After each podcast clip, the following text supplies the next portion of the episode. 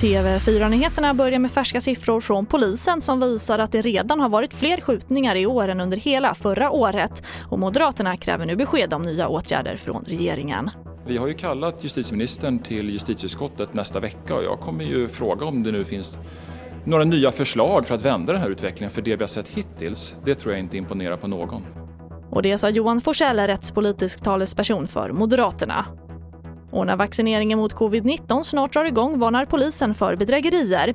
Läget är extra känsligt just nu, säger polisen till SR. Tidigare under pandemin har man sett en rad försök till olika bedrägerier där gärningsmännen till exempel försökt ta betalt för smittspårning. Och enligt polisen är det nu viktigt att tänka på att vaccinationen är gratis och inget man ska betala för.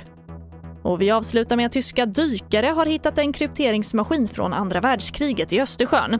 Enigma som den kallades hittades i Geltingbukten vid gränsen mellan Danmark och Tyskland. Under andra världskriget användes Enigma för hemlig kommunikation av tyska krigsledningen.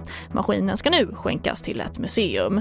TV4-nyheterna, jag heter Charlotte Hemgren.